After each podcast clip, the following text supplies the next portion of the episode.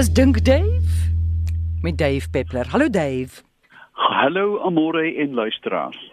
Ons eerste vraag kom van Ludwig Venter en hy sê hierdie tuimelduwe, hulle word tumblers genoem. Wat laat ja. hulle so tuimel? Ipekoners. Reg.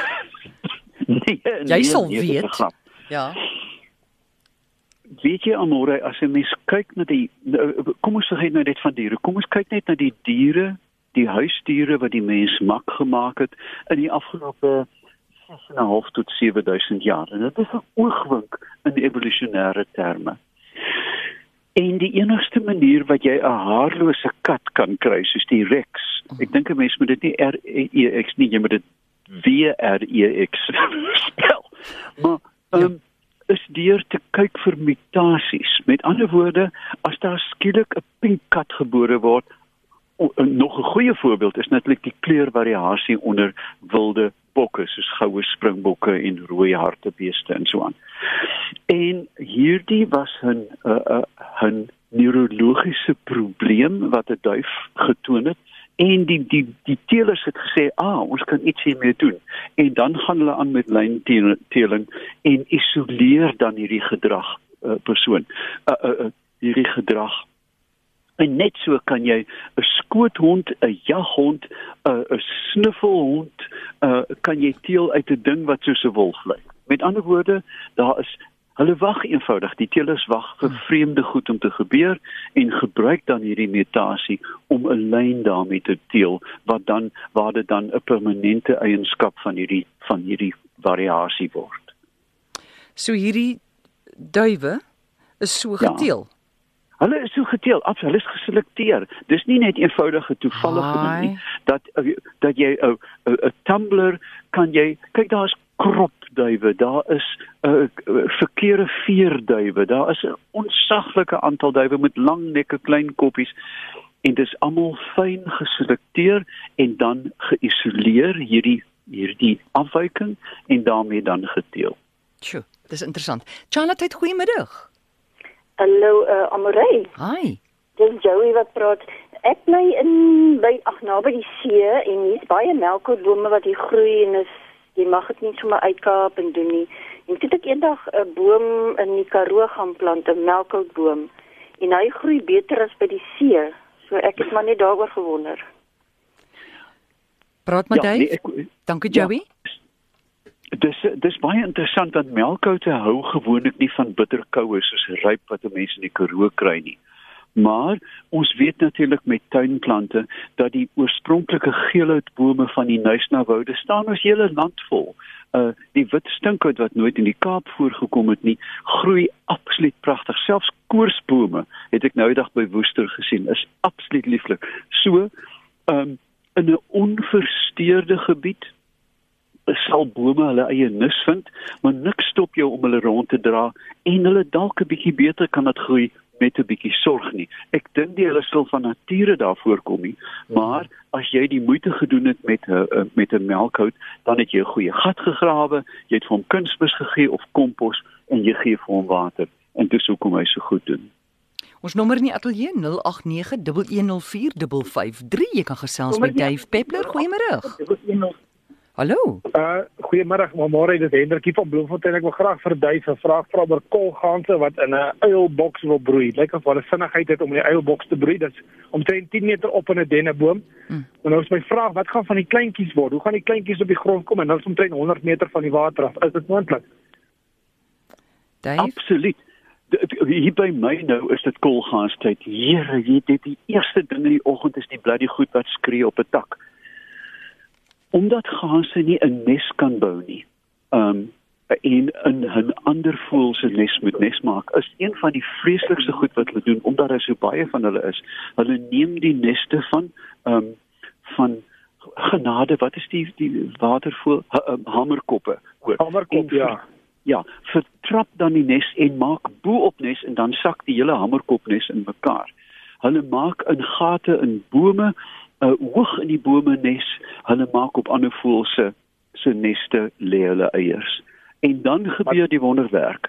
As die kleintjies letterlik 'n paar uur na hulle uitgebroei het, spring hulle eenvoudig van daai hoogte. Hulle is aangepas met die donsies en val dan soos 'n veerdonsie in die wind en hop letterlik op die grond waar ma vir hulle wag en dan stap hulle water toe. So die kleintjie gaan hom nie doodval nie.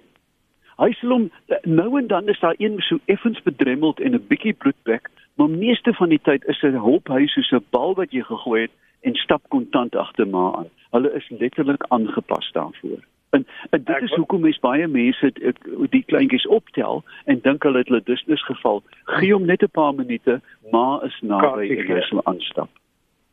Heng, dis Goed, baie, interessant. baie dankie. Goed Hendrik, dankie vir jou oproep. Hier's 'n vraag van Leonie. Sy sê Dave, ek het bietjie gaan oplees oor biobrandstof. En kan jy my help asseblief? Sy sê dit is goedkoper as die brandstof wat ons gebruik. Sy sê jou motor se engine lewe is langer. Sy sê sy het ook gelees dat jy kan diesel en biobrandstof afwissel. Sy wil weet hoekom het Suid-Afrika en die wêreld nog nie biobrandstof op groot skaal begin vervaardig soos diesel en petrol nie. Eh, Sy is daar verkeerd. Daar is baie stede ehm um, en ek dink byvoorbeeld aan Londen waar biodiesel ek dink seker iets soos 80% van alle busse aandryf. Die probleem met die kleinskaal vervaardiging van biodiesel is dat daar soms onsuiverhede kan kom. Ek het 'n vriend in Elgin uh, wat ou chipolie gebruik, jy weet wat Mm. wat van die viswinkels afkom. Here, as hy verbyry raak ek so honger want dit ryk ene chips. um, ek is ernstig. Um so, daar is geen rede waarom ons nie op 'n baie baie groter skaal. Kyk, in die winter eet die Kaapam chips hoor as jy by 'n viswinkel verbystap. Liewe hemel, hulle moet deur 'n swembad oor die dag gaan. Um Ja. my ma het altyd gesê jy kan chips nooit so laat proe nie want jou olie is nie oud genoeg nie. Um, Dis oulik, ja. Ja, ehm um, so, dit is heel moontlik. Daar's baie plekke in Indië weet ek byvoorbeeld in Delhi is daar groot besighede wat se busse uitsluitlik op biodiesel loop en jy hoef dit nie net van ou olie te maak nie, jy kan dit van enige olie maak. Met ander woorde van sonnebloemolie wat 'n bietjie duur is natuurlik. Die antwoord is om ou kosolies te gebruik. En hierdie jy het al gehoor van die vetberge uh, amore wat so aanpak in die rioolstelsels van groot stede. Hmm. Dit kan alles omgeskep word in biodiesel. Die antwoord is ons kry nog nie swaar genoeg nie. R16 'n liter is nog goedkoop. Wag 'n bietjie tot dit R25 'n liter word, dan gaan ons begin biodiesel maak. So is dit dit. Ek meen, Dis dit, ons kry nog nie swaar genoeg nie. Amore ek ry natuurlik uh, soms alleen en dan, dan skrik ek my dood om te sien hoeveel mense alleen in motors ry. Jy weet, in in op, op pad werk toe. Duisende en duisende groot motors met een persoon in. Dis verkeerd. mm, Ons moet ons moet begin dink aan publieke vervoer. Ons moet saamry klubs stig. Daar is nou selfs klubs in in Europa waar byna soos met fietsse, jy 'n motor letterlik op straat met jou foon soek. Hier staan hy beskikbaar. Jy mm. gebruik die kode, ry en los hom weer iemand anders stel hom op. Dit is die toekoms. Goed. Kom ons vat nog 'n oproep. Charlotte, goeiemôre. Amoré, goedemiddag, want ek skrik nou so, ek was net ek om te antwoord. Amoré, ek is Pieter Chabi van Club Ladnes. Skus tog, wat is jou naam? Pieter Chabi. Mr. Chabi. Ja, ek is amper blind. Ek het net nog wat ook so 'n snaakse vraag gevra om te skade weer maar. Ek wil net iets vra van uh hello Dave. Hallo, middag. Hoe gaan Uh, dank dankie man. Uh, ek wil net weet uh, ek het nou net geluister oor hierdie uh toekomstige ding wat kan gebeur as ons sê kort tot 11 kort tot 12 op Woensdag. Mm. Toe praat hulle van 'n uh, diamond eye van wat nou reeds in Amerika en Australië is die diamond eye wat hulle reeds wat Amerika kan beter sien met dit. Kan jy miskien maar beter verduidelik om teen die oog as as jy miskien weet? Ek het die radio ek is nie- nie- Ek is nie seker na na na wat u verwys nie. Uh, is dit 'n 'n- 'n 'n hulpmiddel? Sorry. Ja, nee, nee, is 'n oog. 'n Oog. Wat 'n 'n oog ja, hulle noem dit diamond eye. Nou die oog Nee. is 'n is amper bioniese oog something like that. 'n Bioniese oog. Uh, jy meen is dis nie 'n oog wat jy self het nie, dit is iets waarna jy kyk in die ruimte of so iets. Nee, nee, hulle sê Nee, nee, nee, nee, en nee, is 'n wag, ander wag, wag. oog. Ja, ek kom nou nader aan. Dit is byna soos die sorry, gehoorapparaat. Skus tog. Goed, goed, goed. Luister by die radio. Goed, dankie. Ja. Dave, ja. Um, Amore, ja, kyk 'n mens kry die gehoorapparaat, die cochleare implante, Ja. ja. wat jy letterlik op die been kry.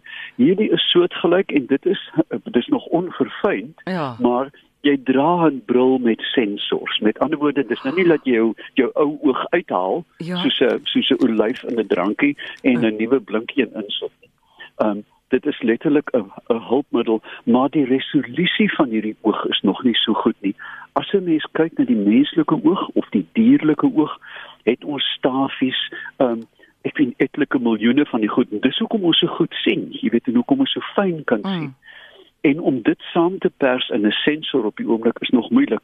Alhoewel ons baie naby daar begin kom met kamera tegnologie. Jy weet dat ek meen die die die die flowste ou selfoontjie deesdae 'n uh, 16 megapixel sensor. So ek ek dink uh, kort voorlank gaan dit um, gaan dit die gaan dit moontlik word. Dit is 'n tegnologie in wording en ek dink ons luisteraar moet 'n klein bietjie aan dit dit, dit gaan gouer by Mm. ons wees as later. Goed, en die, die naam is diamantoog of diamond eye. Ja, het, dit is ek dink dit is net 'n handelsmerk wat Ja. ek nie eintlik van bewus is nie, maar ek weet van die beginsel van van bioniese oë. Ehm um, kyk Google het begin met hulle Google Glasses so 5 of 6 jaar. Onthou jy dit? Ja. Ehm um, hy het uit so 'n prisma aan die kant gehad en die ding het natuurlik uh, nie lank gehou nie want hulle het tegniese probleme gehad.